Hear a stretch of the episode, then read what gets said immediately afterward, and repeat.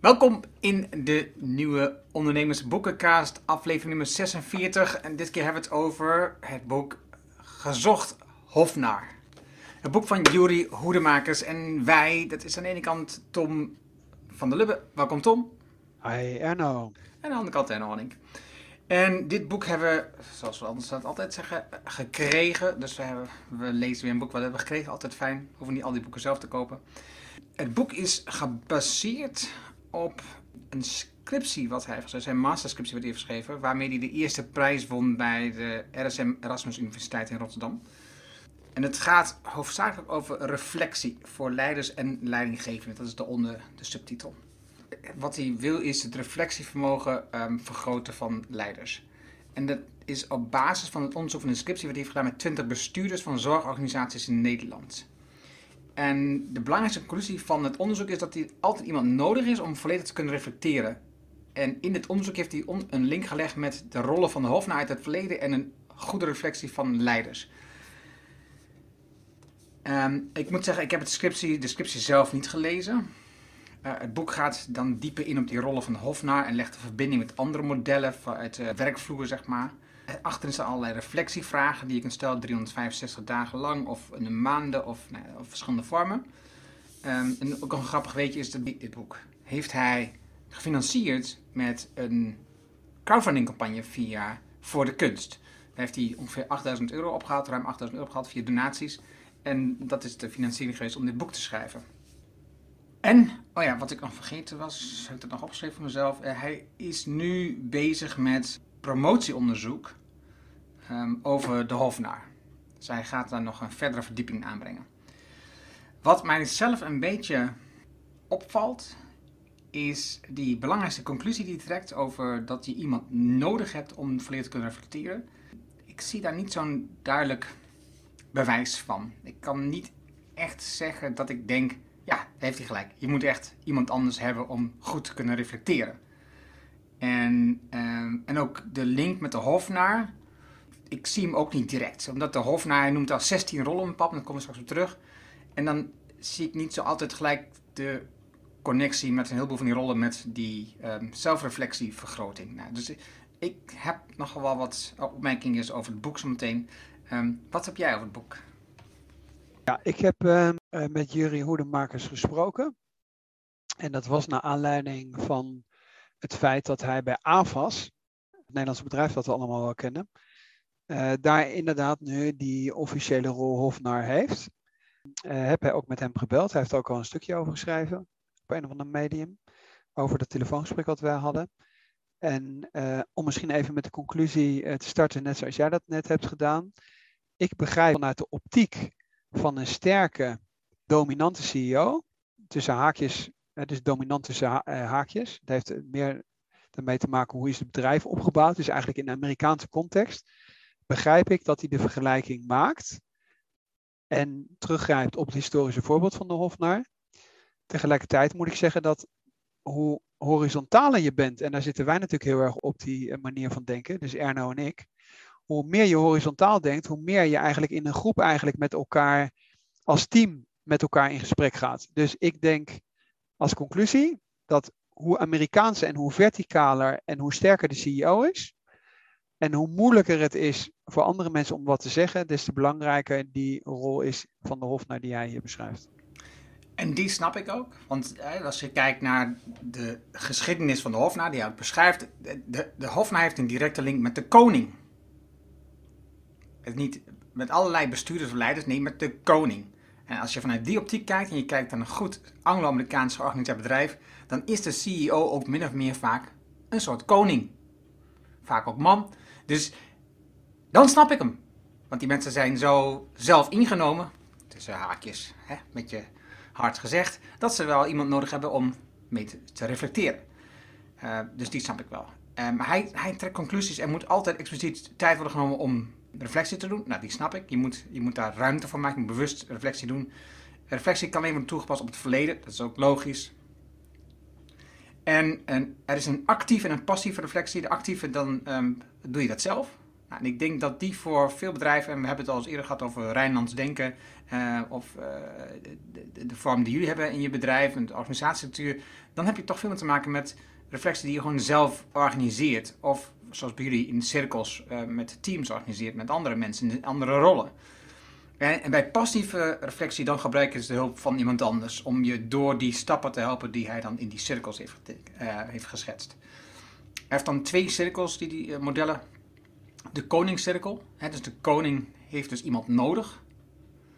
En de hofnaarcirkel, of nee, sorry, de koning is iemand die dat dan zelf kan. En de hofnaarcirkel is iemand die, die, eh, die, dat dan, die daarbij helpt. Dus de koningscirkel is iemand die zelf reflectie kan doen, dus die passief, die actief reflectie kan doen. En het grappige is ook dat um, hij schrijft dus over die 16 rollen. En dus die, die, die, die functies hadden allemaal een, die ene persoon, die ene hofnaar. Uh, of, of, een paar hofnarren in, in zo'n in zijn hof dan van zo'n koning.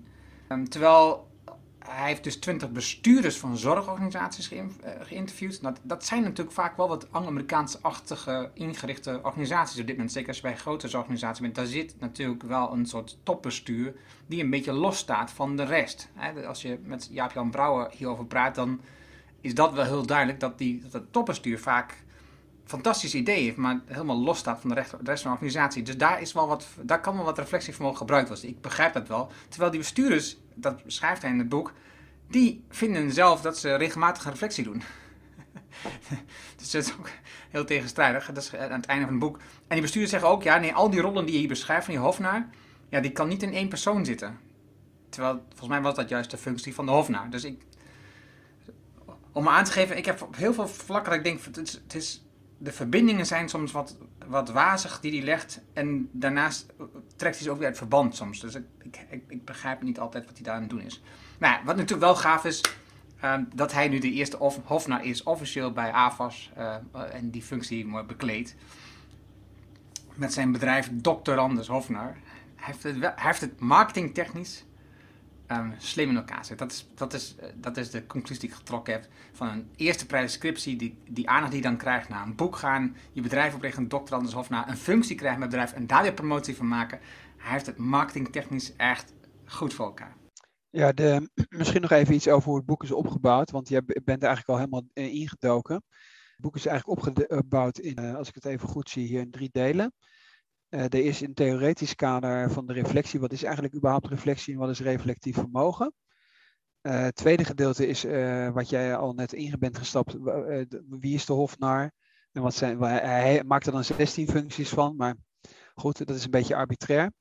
Ehm, en dan het derde gedeelte is dan de hofnar als praktische tool voor reflectie, de, hof, de hofnar op de werkvloer. Dat is eigenlijk de implementatie waarvan hij zegt van, oké, als je dus in de huidige tijd die functie van die hofnar opnieuw wilt, implementeren, dan moet je dat op deze manier eh, doen. En welke stappen kunnen daar dan gezet worden? Zo is het boek opgedeeld.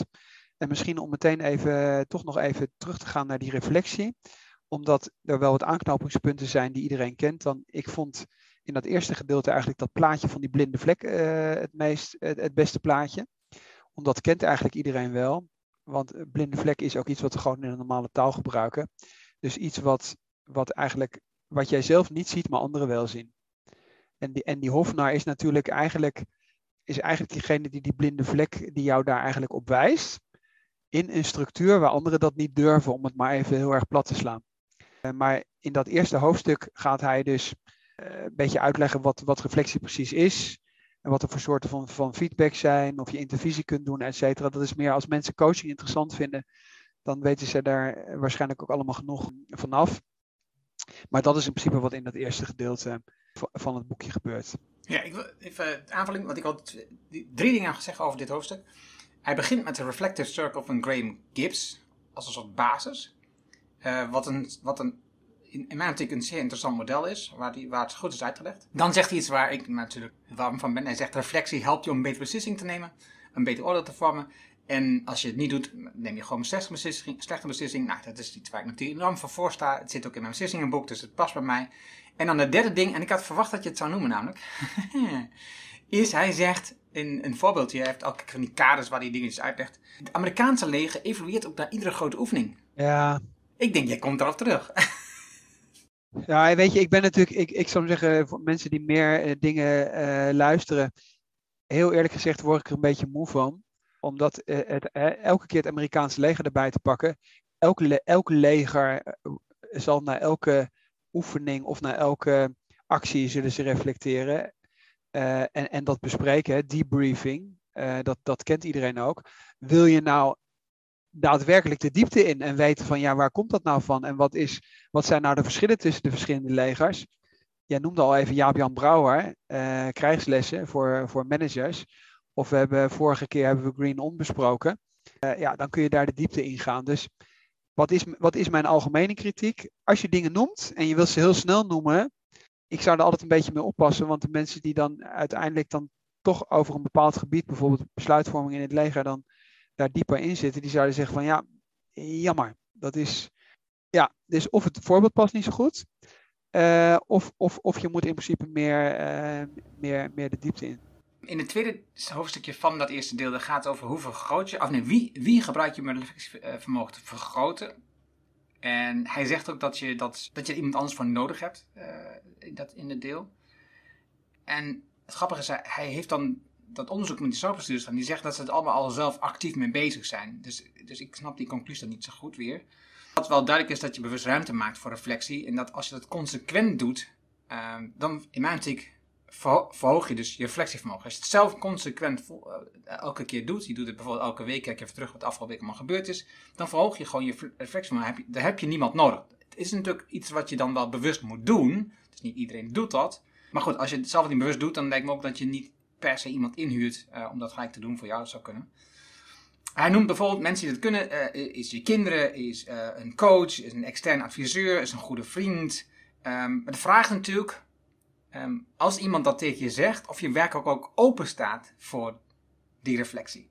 Het, zijn blinde vlekken, dus je het zelf niet in de gaten. Um, en hij noemt hier bijvoorbeeld dat, dat kinderen tegen zijn, hun moeder zegt, dus mam, je werkt zoveel.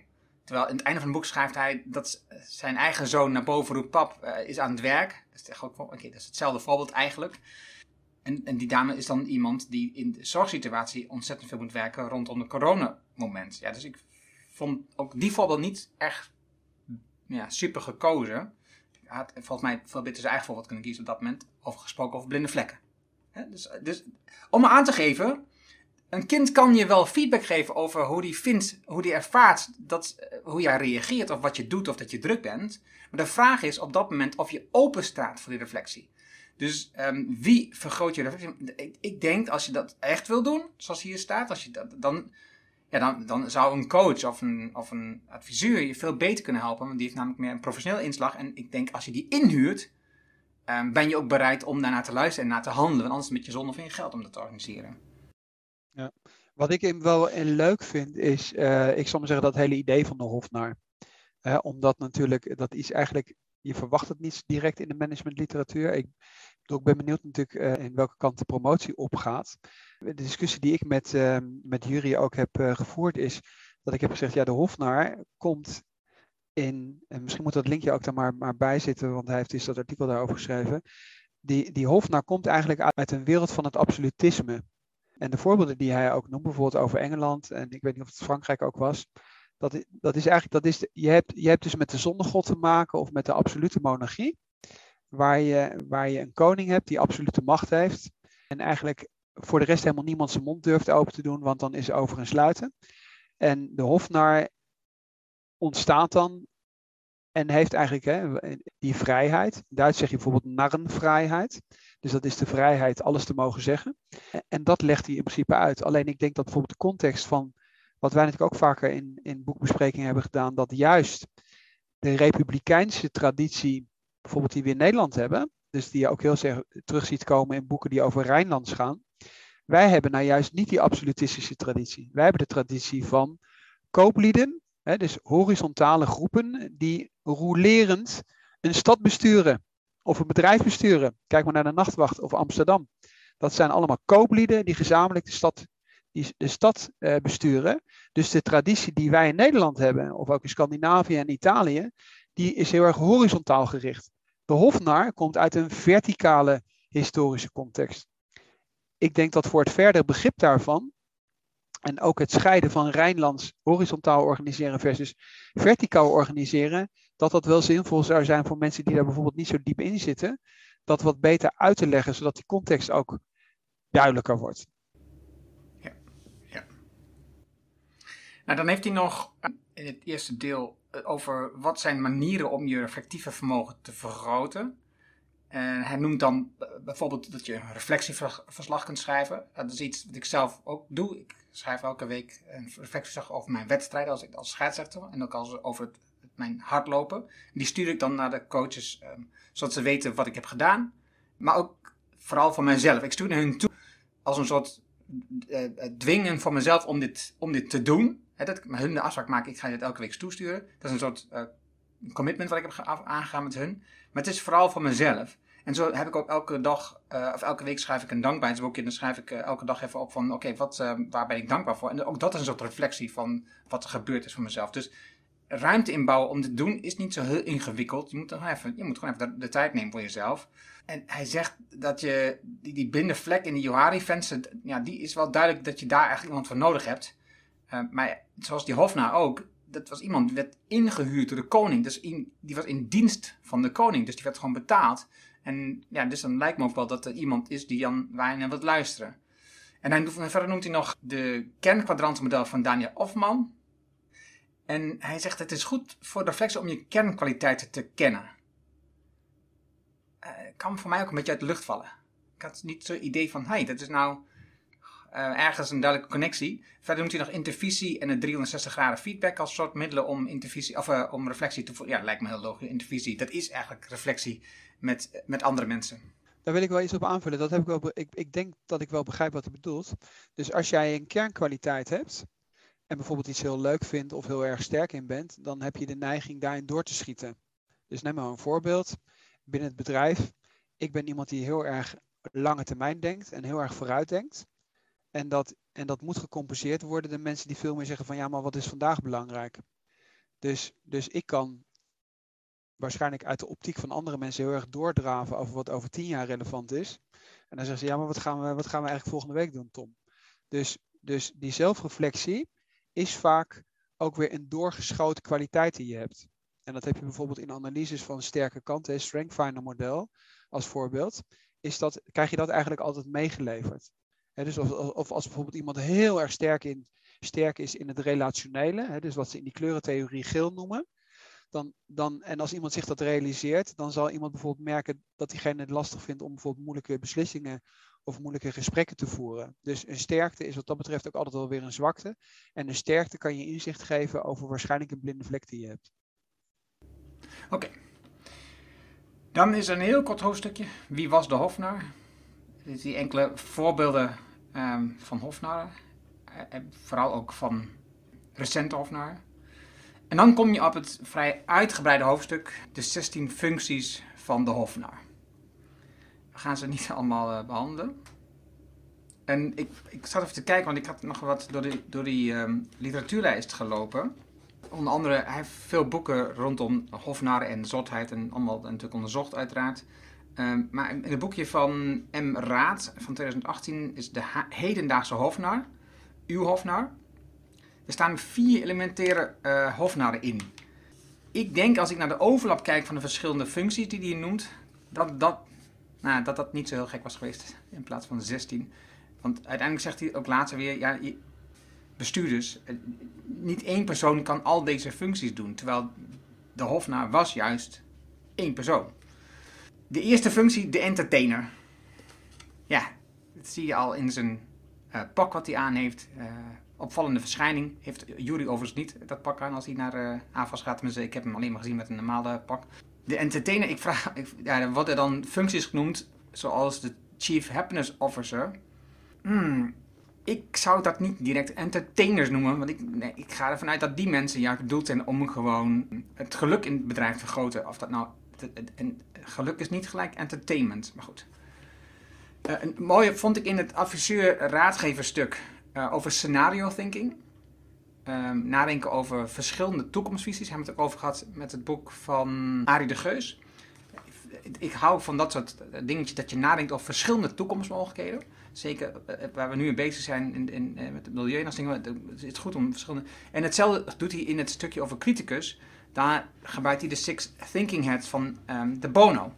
Die natuurlijk ook super bekend en heel handig zijn om op verschillende manieren na te denken over de situaties die er zijn. Wat vond jij opvallende, interessante functies?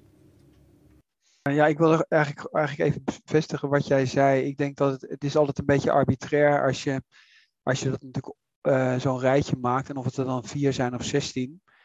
Uh, ik, ik denk ook dat in dit geval minder meer was geweest.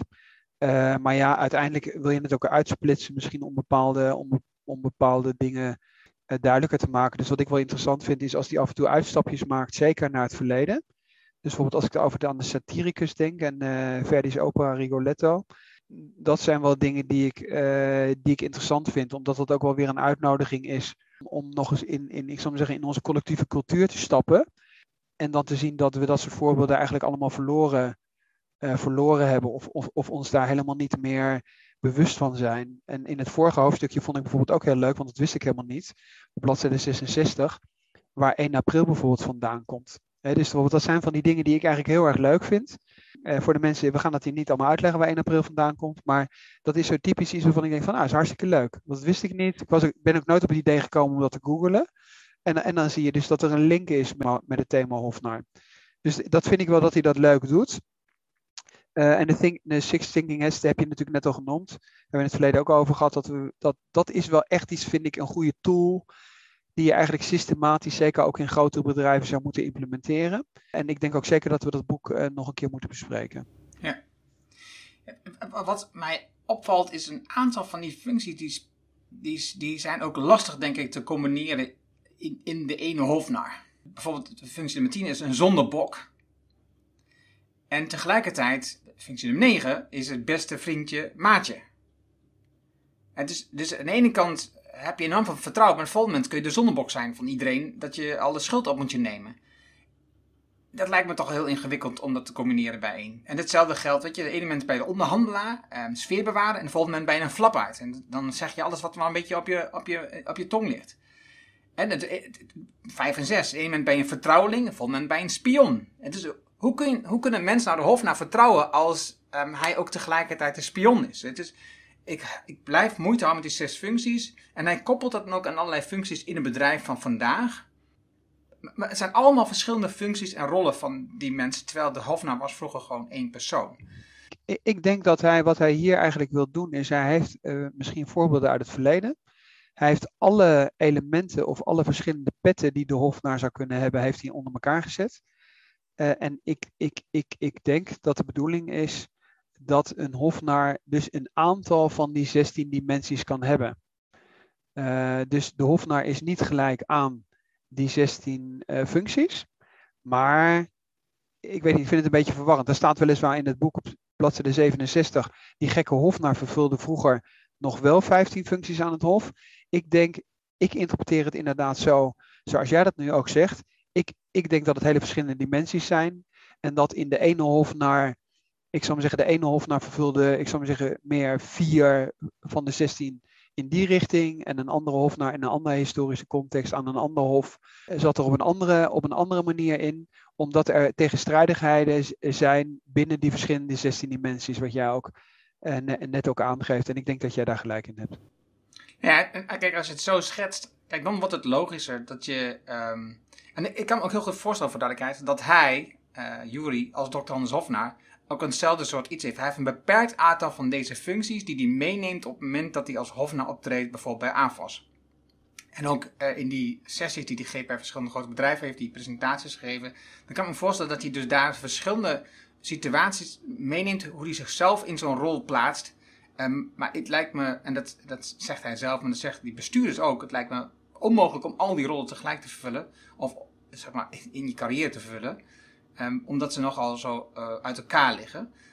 Nou, en laten we dan verder gaan naar het volgende stuk. Het verdwijnen van de hofnaar. Ook dat is een vrij klein hoofdstuk. Hij, hij zegt eigenlijk niet zo heel veel over wat nou de oorzaak is. Of wat nou de geschiedenis van het verdwijnen van de hofnaar. Hij noemt een paar jaartallen op waarbij het aan het, het, Franse hof verdween en het Engelse hof verdween. Er zitten namelijk best wel wat tijdverschillen in. En, ehm, en hij vertelt eigenlijk meer, en, die, en die, vond ik dan, die vond ik dan wel heel grappig, over ehm, een aantal pogingen die zijn gedaan de afgelopen decennia om die functie weer in te vullen. Uh, in, in, een paar keer in, in, uh, in Engeland. Veel uit in een om, uh, overheidsomgeving. Maar ik, ik, ik vond die dan erg leuk. Dat je, had hij dan een vacaturetekst of een uitleg hoe dat dan was gegaan. dat, ze, dat ze toch een hofnaar zochten bij een bepaald festijn of bij een, een bepaalde overheidsplek. zelfs in Nederland bij een bepaald bedrijf hebben ze naar gezocht. Dus ik vond dat, ik vond dat mooie voorbeelden en, en wat hij dan doet, is hij concludeert dat er een behoefte, want dat is de overgang van dit hoofdstuk naar de, ho de op de werkvloer.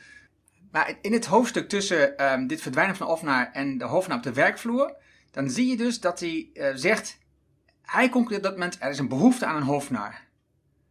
En, wat jij net, wat we eerder hebben gezegd, de hofnaar was gekoppeld aan een koning. En hij beschrijft dat het gaat over reflectie voor leiders en leidinggevenden. Maar een leider is niet een koning. Dat is niet een CEO met uh, alle zeg maar, zeggenschap van zich alleen. Dus die behoefte aan een hofnaar, ik weet niet, ik denk dat de behoefte is bij de bestuurders aan die uh, functies die hij noemt hier. Dus die, die criticus, de satire, de adviseur. Ik denk dat die behoefte, dat denk ik niet, dat is 100% duidelijk. Want er zijn heel veel adviseurs en uh, organisatiebureaus, daar heeft hij ook uh, een lijstje van het boek. Dus die behoefte is er zeker. Nou ja, je kan ook zeggen, er is behoefte aan hofnaar, want hij wordt ingehuurd de AVAS, dus nou, die behoefte is er ook, kun je ook zeggen. Prima. Nou, ik, denk, ik denk wel dat het een, vooral een interessant boek is voor grote bedrijven met zeer klassieke uh, structuren waar mensen het moeilijk vinden om hun mond open te doen. Dus ik heb het niet over de start-up of de beginnende ondernemer waar het allemaal nog relatief los is. En wat dat betreft vind ik, vond ik het ook interessant dat juist de die zit er natuurlijk ergens tussenin. Hè? Het is enerzijds informeel, maar was wel een, een, heel duidelijk ook de eindbaas van, van AFAS, zou ik maar zeggen. Dus ik vind het, ik vind het heel interessant dat, dat misschien ook zou interessant voor jou zijn om Bas van der Veld, CEO van AFAS, over dat thema eens te interviewen. Dat zou ik heel erg interessant vinden. Ik denk ook wel dat het interessant is voor mensen die in een, in een hele grote corporate toren zitten om dat boek er eens bij te pakken en, en wat daarop te reflecteren. En van hieruit misschien ook wel met dat thema Hof naar überhaupt eens aan de slag te gaan. Omdat, ik zal maar zeggen, wij zitten er veel meer institutioneel in. En zeggen, maak gewoon van een verticale organisatie een horizontale. Maak van een Amerikaanse shareholder value-driven organisatie met een sterke chief executive officer uh, en een hele kleine board. Maak een brede board en ga multi-stakeholder. Maak er een stakeholder strategie van. Wat dat betreft denk ik dat dat het is een goed kerstcadeau voor, voor mensen die in, in beursgenoteerde Amerikaans getinte bedrijven zitten, waar bij heel veel functies een hele grote C voor staat. Laat ik het zo formuleren. Medewerkers die, die vinden hun uh, chief niet goed luistert, die moeten dit boek voor een leidermas kopen en dan kunnen ze dat aan hem geven met een kerst als een soort hint. misschien an anoniem onder de bedrijfskerstboom, hoewel in coronatijden misschien dat niet functioneert. Ik ben benieuwd wat jij vond van de Koningscirkel en de Hofnauwcirkel. Ik heb soms een beetje het idee dat je hebt het over bladzijde 146, 147. Hè? Nou ja, dat is de start. Daarna legt hij die zeven stappen en die negen stappen uit van die twee cirkels. Um, maar daar begint het. Ja, ik vind het. Ik, ik heb soms een beetje het idee dat. Maar misschien ben ik ook daar wat in die optiek dan ook weer te pragmatisch dus bijvoorbeeld neem even een, een, voorbeeld over feedback geven. Ik ben veel meer de institutionele man die zegt van weet je wat, als je nou zekerheid gecreëerd hebt in een team, of je hebt bijvoorbeeld rolerend is iedereen aan de beurt, dan maakt het mij persoonlijk helemaal niet zoveel uit of mensen een sandwich techniek toepassen in feedback geven of met heel veel positieve dingen komen, terwijl iedereen al aanvoelt, oh nu komt uh, na de hand uh, komt de hamer, zou ik maar zeggen. Ik vind dat best wel lastig om mij is dat soms een beetje te theoretisch voor, ik zou maar zeggen, creëer een omgeving waar, waar, dus even psychological safety, om dat even als voorbeeld te noemen. Ik zit veel meer op dat psychological safety thema, dan dat ik zeg van ja, je moet die stappen doorlopen. Dus het is niet zo dat ik zeg van nou, dat model moeten we daar, moet, moeten, moeten we daarbij pakken. Alleen, daar heb ik het met Jury ook over gehad. Ik zou ook geen hofnaar benoemen. Dus ik heb, ik heb tegen Jury gezegd, nee, na het absolutisme komt de Franse Revolutie.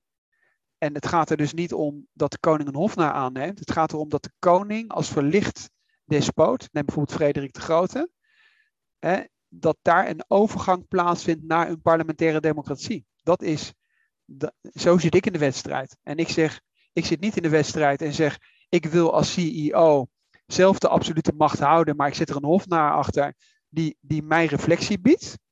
En daarom ben ik ook geen CEO meer. Dus ik ben wat dat betreft misschien ook niet de juiste persoon. Daarom denk ik ook dat het interessant is om Bas van der Veld te interviewen. Omdat ik als CEO heb gezegd, ik vind het niet goed. We moeten afscheid nemen van de CEO. Dus no bosses is ons motto. Everybody a leader. En dat is een ander concept dan ik installeer een hofnaar, ik zorg voor voldoende onafhankelijkheid, zorg voor een vertrouwde sfeer. Ik zeg van nou, als we een parlementaire democratie invoeren en iedereen mag weer stemmen, en je mag je ook zelf beschikbaar stellen uh, voor, voor de Tweede Kamer, dat is uh, de kant waar ik naartoe zou gaan als CEO van het bedrijf. Twee dingen hierover. Het, het grappige was, ik noemde het begin veel bewust, het model van Graham Gibbs, uh, dat reflectiemodel. dus ik dacht, hey, um, functioneert dat model niet of zo? Dat, je, dat, daar, dat er nu een nieuw model moet komen? Dat was het eerste wat ik dacht. Voor mij was het een heel duidelijk model. En het tweede is dat. Uh, we hebben het de hele tijd over die, die, die gedachtegang, hoe wij het zien, dat die Hofnaar iemand is die bij zo'n sterke leider zit. En het boek staat hier, de ondertitel is Reflectie voor leiders en leidinggevenden. En dat noemt hij een boek bewust, hè, voor alle leiders en leidinggevenden. En dus wat jij beschrijft als je, zeg maar, no bosses, all leaders, dan, dan heb je geen Hofnaar nodig. Dus ik weet niet zeker of die link die hij maakt met die reflectie voor leiders en leidinggevenden, nou, dat voor al die leiders, dat, of dat zo klopt. Maar goed, dat hebben we nu vaak genoeg gehad. Die um, zeven stappen en die negen stappen van die koningsstukken, hofnaarstukken, die gaan we niet uh, behandelen. Want dan, zit je gewoon in kleine details. Uh, wat jou zegt, de vraag ook of, ja, of, of, of je zo'n theoretisch model moet hebben. Ik vond bij die koningscirkel, uh, dacht ik nog van, ja, het is wel, dat, dat vond ik nog wel een interessante toevoeging. Even kijken wat het was. Ik, maar ik denk, ik denk wel dat het bijvoorbeeld, als ik bijvoorbeeld nou in een heel grote organisatie zou zitten, die dus beursgenoteerd is, zou ik het wel interessant vinden om daarmee te experimenteren. Omdat namelijk, en dat zie je bijvoorbeeld in de politiek met het cabaret, wat hij overigens ook tussendoor noemt. En Nederland heeft een hele sterke cabaret-traditie, maar je ziet het bijvoorbeeld ook bij het carnaval, bijvoorbeeld in Duitsland. Uh, waar, waar, waar bij carnaval politieke redes gehouden worden in de, in de buurt. Dat is eigenlijk die traditie. En daar zitten de politici zitten daar allemaal bij. Ik zal maar zeggen bij Joep van het Hek. En vroeger ook bij de oudejaarsconferentie conferentie bijvoorbeeld, die, hij, die hier helemaal niet uitgediept wordt. De oudejaarsconferentie waar het jaar besproken wordt. Daar zaten vroeger de Nederlandse politici ook in de zaal. En accepteerden dan Wim Kan, Joep van, Joep van het heeft, heeft dat natuurlijk ook allemaal gehad. En Freek de Jonge, et cetera. Daar zie je dat bijvoorbeeld ook. Dus we kennen dat, wat dat betreft is dat nog intact in de zin van regering wordt bekritiseerd door de, ja, de cabaretist of de, de, mensen die, die dan eigenlijk daar dat verhaal doen. En de hofnaar in Nederland is eigenlijk iemand die de oudejaarsconferentie mocht doen. Dus als je in Nederland de belangrijkste, als je daar de Olymp beklommen hebt, dan mag je de, oude, oude, doen. En daar zit de regering in de zaal en, en, en wordt bekritiseerd. Dus we kennen dat eigenlijk heel goed. De vraag is, zou je dat model wat we wat we kennen van de oudejaarsconferentie, zou het zinvol zijn dat bijvoorbeeld bepaalde bedrijven, ik denk bijvoorbeeld aan Unilever en Shell en over het weggaan naar, vanuit Nederland, et cetera, zou dat misschien best wel ook een soort uitlaatklap kunnen zijn, omdat humor, en dat legt je ook uit, natuurlijk hele zware thema's wel op een hele lichte manier weten te transporteren. Dus ik vind, dat, ik vind het idee nog steeds interessant. Alleen ik denk dat wij, omdat we zo horizontaal denken, dat wij niet de juiste, de juiste aanspreekpersonen daarvoor zijn. Weet je, weet je overigens wat ik het allerinteressantste vond van het hele boek? Dat is, dat is helemaal op de allereerste pagina het citaat, één alinea uit het lied van Stef Bos, de Hofnaar. En, dan ga je het waarom. Ja, en ik kende dat lied niet. Nou, ik heb de, ik heb de tekst gegoogeld. En wat is nou het interessante? Beste Jury, waarom haal jij die ene alinea eruit? En ik wil er toch even nog iets over zeggen over dat lied. Het begint namelijk, het is de tweede alinea die erin staat. En de tweede alinea is, ja, ik ken de koning, zijn lust en zijn leven. Ik ken zijn honger naar macht. Ik kots op zijn status, want zo wil hij het horen. Ik scheid op zijn troon en hij lacht. Uit de Hofnar van Stef Alleen wat is de eerste alinea? Maar dat wat ik voel is niet wat ik zeg. Een opportunist, zo ben ik geboren. Ik doe wat, mij, wat van mij wordt gevraagd. En tussen de regels van dat wat ik zeg, ik ben de zanger. Die zingt om te leven. Ze zullen me vroeg of laat, ja, dan gaat het over andere uh, hofnarren, uh, staat er verberg ik mijn afkeer en haat. En dan gaat het onder die tweede alinea gaat het door. En dan is het refrein, want ik ben de hofnar die alles mag zeggen. En nu komt het, zolang het de koning behaagt. De troubadour die alles mag zingen, zolang ik de mensen vermaak. En ik ben de hoer en je mag naar mij kijken. Kijken zolang je betaalt. Ik ben de zanger die zingt om te leven. Ik ben geliefd en gehaat. Want in de coulissen staan andere narren, klaar om te zien hoe ik val in de goot. Eén waarheid, één woord kan mijn kop laten rollen. Als de koning niet lacht, ben ik dood. En dat zegt eigenlijk, vat dat heel goed samen waar we het over hebben gehad, dat de hofnar is, wordt zo lang getolereerd dat hij het niet te bond maakt en eigenlijk, eigenlijk vermaak creëert. Alleen hij moet in principe ook de grenzen kennen. Dus op het moment dat de koning eigenlijk uh, daar een vraagteken achter, achter gezet wordt. En het tweede gedeelte van het lied is dan, ik vind dat toch wel heel, heel interessant.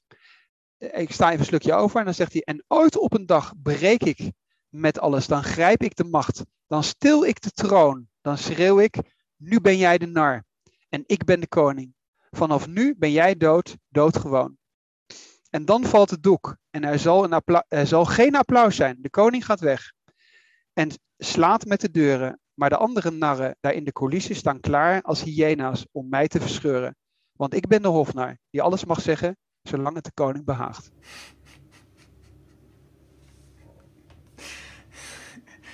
Wat een mooie afsluiting. Dankjewel, Tom. Dit was hem. Dankjewel voor het luisteren. Graag tot een volgende keer. Uh, hopelijk luister je weer. En dankjewel, Tom. Ja, dankjewel. Nou.